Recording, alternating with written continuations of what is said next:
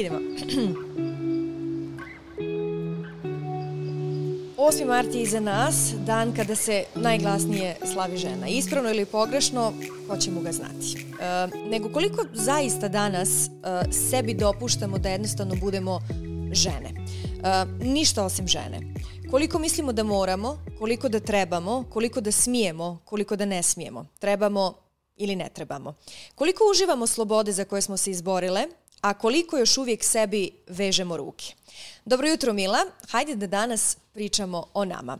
Preko puta mene jedna od e, sjajnih žena, samo kada je pogledate bez da progovorite riječ sa njom, e, osjetite tu strast za životom i nema to veze ni sa godinama, ni sa statusom, e, ni sa prilikama ili neprilikama u životu. To jednostavno ima veze sa sjajnim odnosom spram sebe i spram života onakav kakav jeste.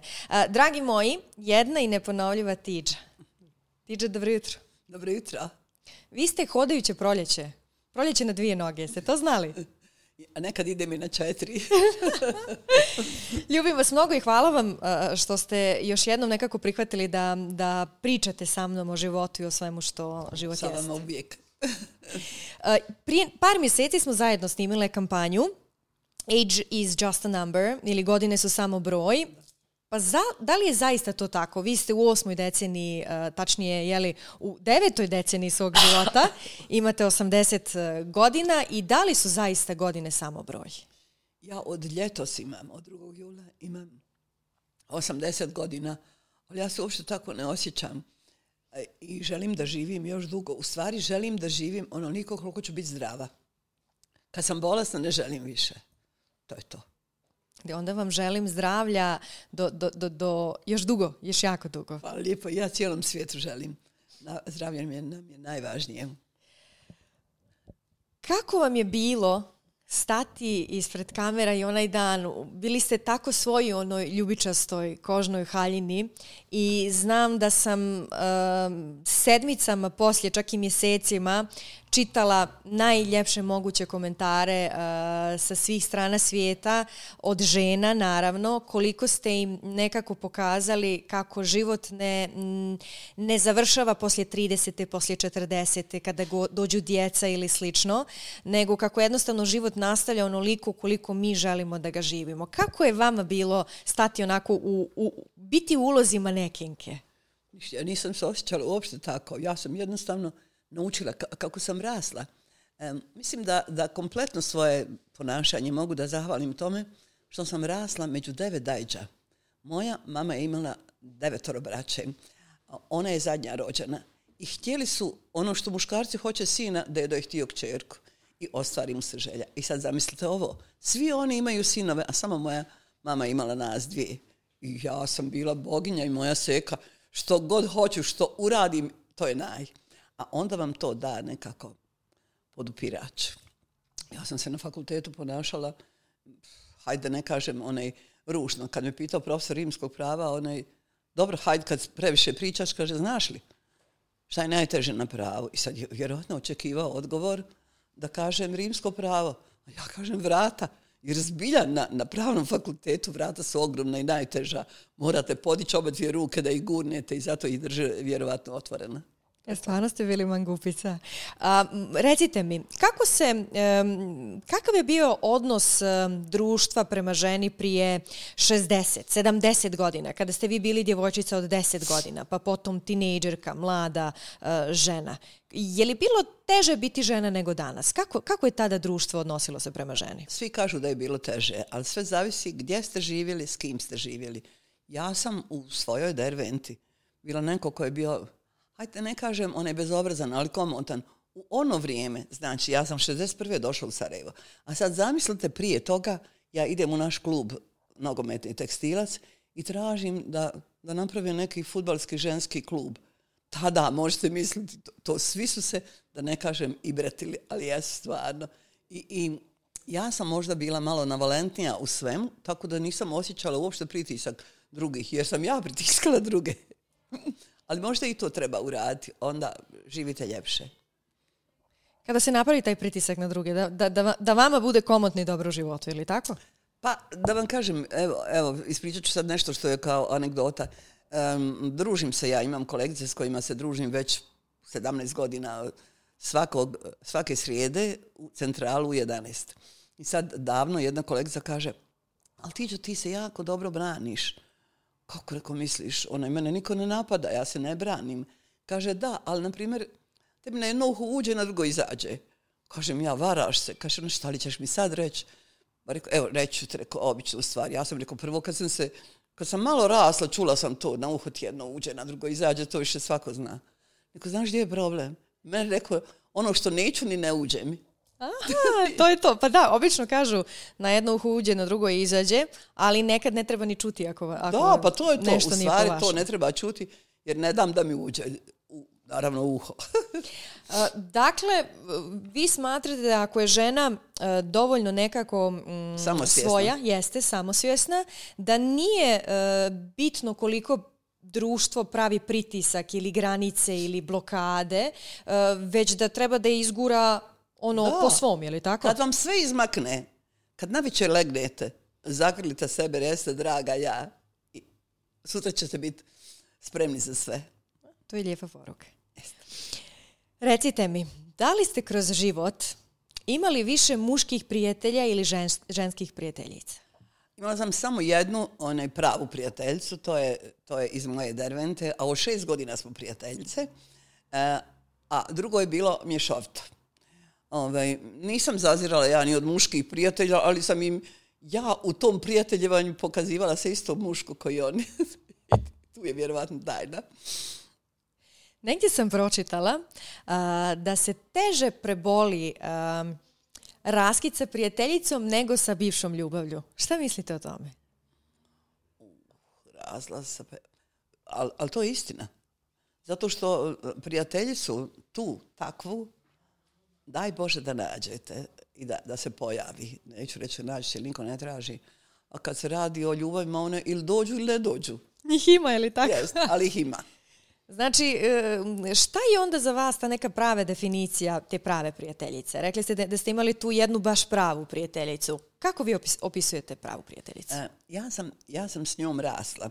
Ona nije imala roditelje, a onda su moji roditelji, kad smo se upisivali u prvi razred osnovne škole, prihvatili da ona se druži više sa mnom kad su čuli da tako to. Ja, ja je pitam Zrino, Zrinka se zove, ja je pitam Zrino onaj, hoćeš li ti doći? Kaže, ne znam. Ja kažem, jel moraš pitati mamu? Kaže, ja nemam mamu. Ona mora pitat tatu? Kaže, ja nemam ni tatu. Kaže, ja sam siroće u domu siročadi u to sreća prilazi moja mama i ona kaže dobro mi ćemo pitati Esmu, ta jedna Esma je bila direktorica tamo, a ovaj, kaže samo da je pitamo da se družite, kaže sviđa mi se kako vas dvije komunicirate.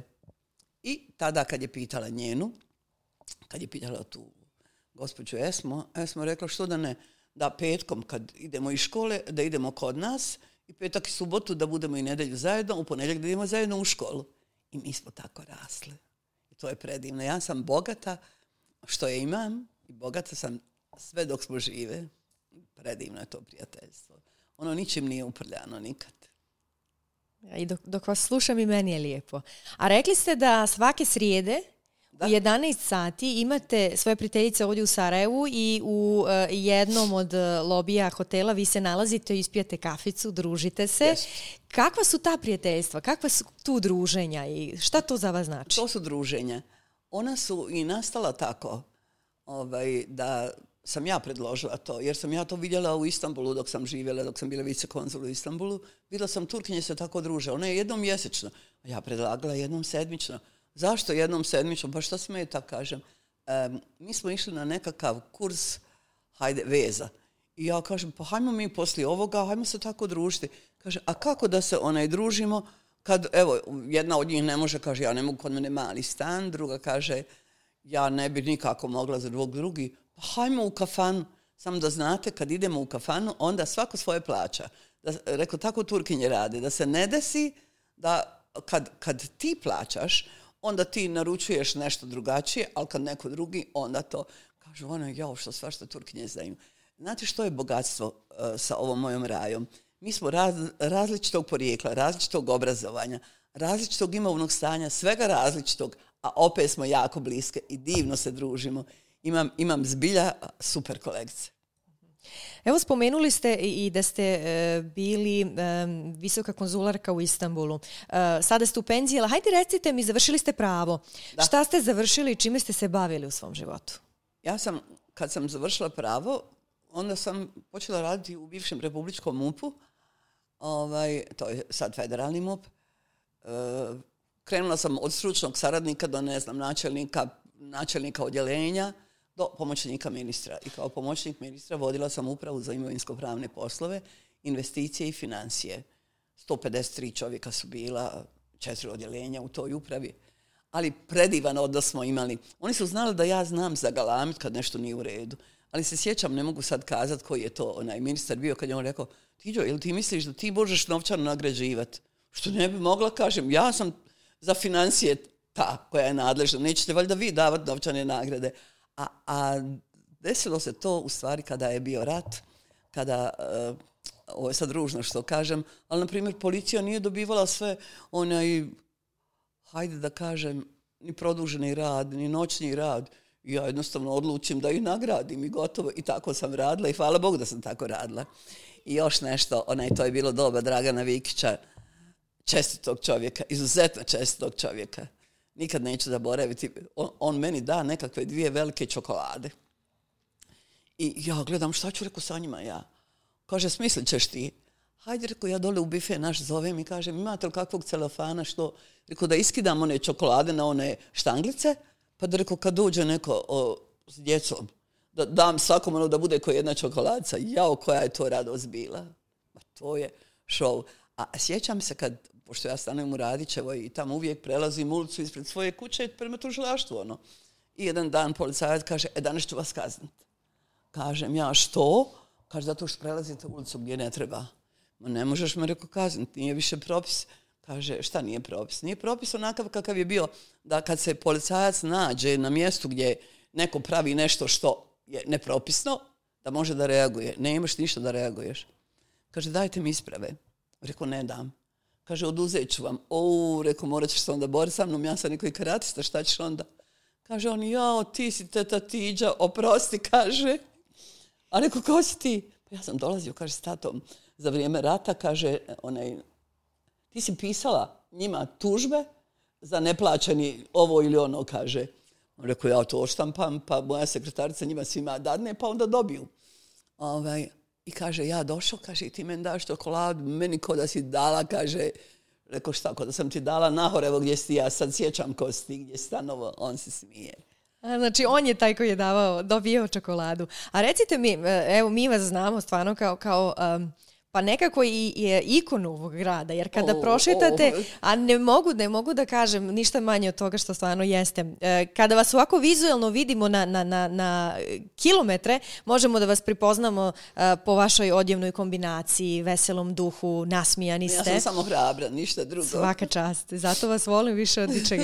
E, međutim, mnoge dame su mi pisale kada sam dijelila na svom Instagramu ovaj, i kada smo uradile tu kampanju, kako ste bez ima imalo onako suzdržavanje prilazile mladim djevojkama i govorile da im je lijepa ili suknja ili frizura ili e, kaput ili slično i da su se one u tom trenutku stvarno jako lijepo osjećale. Tako da imate taj moment da drugome udjelite kompliment, e, da, da, je mu jednostavno... Ako bi meni neko dao kompliment, ja bi odmah rekla, a vidite vi šta imate sve lijepo, nego ne znate da, da kažete koliko vam je to lijepo.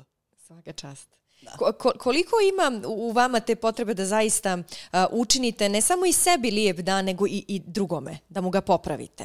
Ili to jednostavno tako ste rođeni, da tako kažem? A, meni je lijepo kad to radim, zato što ja primam tako. Neću reći samo komplimente. Kad mene mali dječak, kad ja izađem iz mog kaustora, kaže, hajde stani, kaže teta Tiđo. Rekao, što? Da te vozim, kaže. A on na trotinetu. onaj, gdje ću sad? Pa kaže, ne moraš da staneš, hajde ti, kaže, vozi mene onda. Ali znači, htio je da me voza. A zašto je htio da me voza? Jer ja hranim golubove ispred svoje kuće i što ja znam, onaj, svaki dan to radim.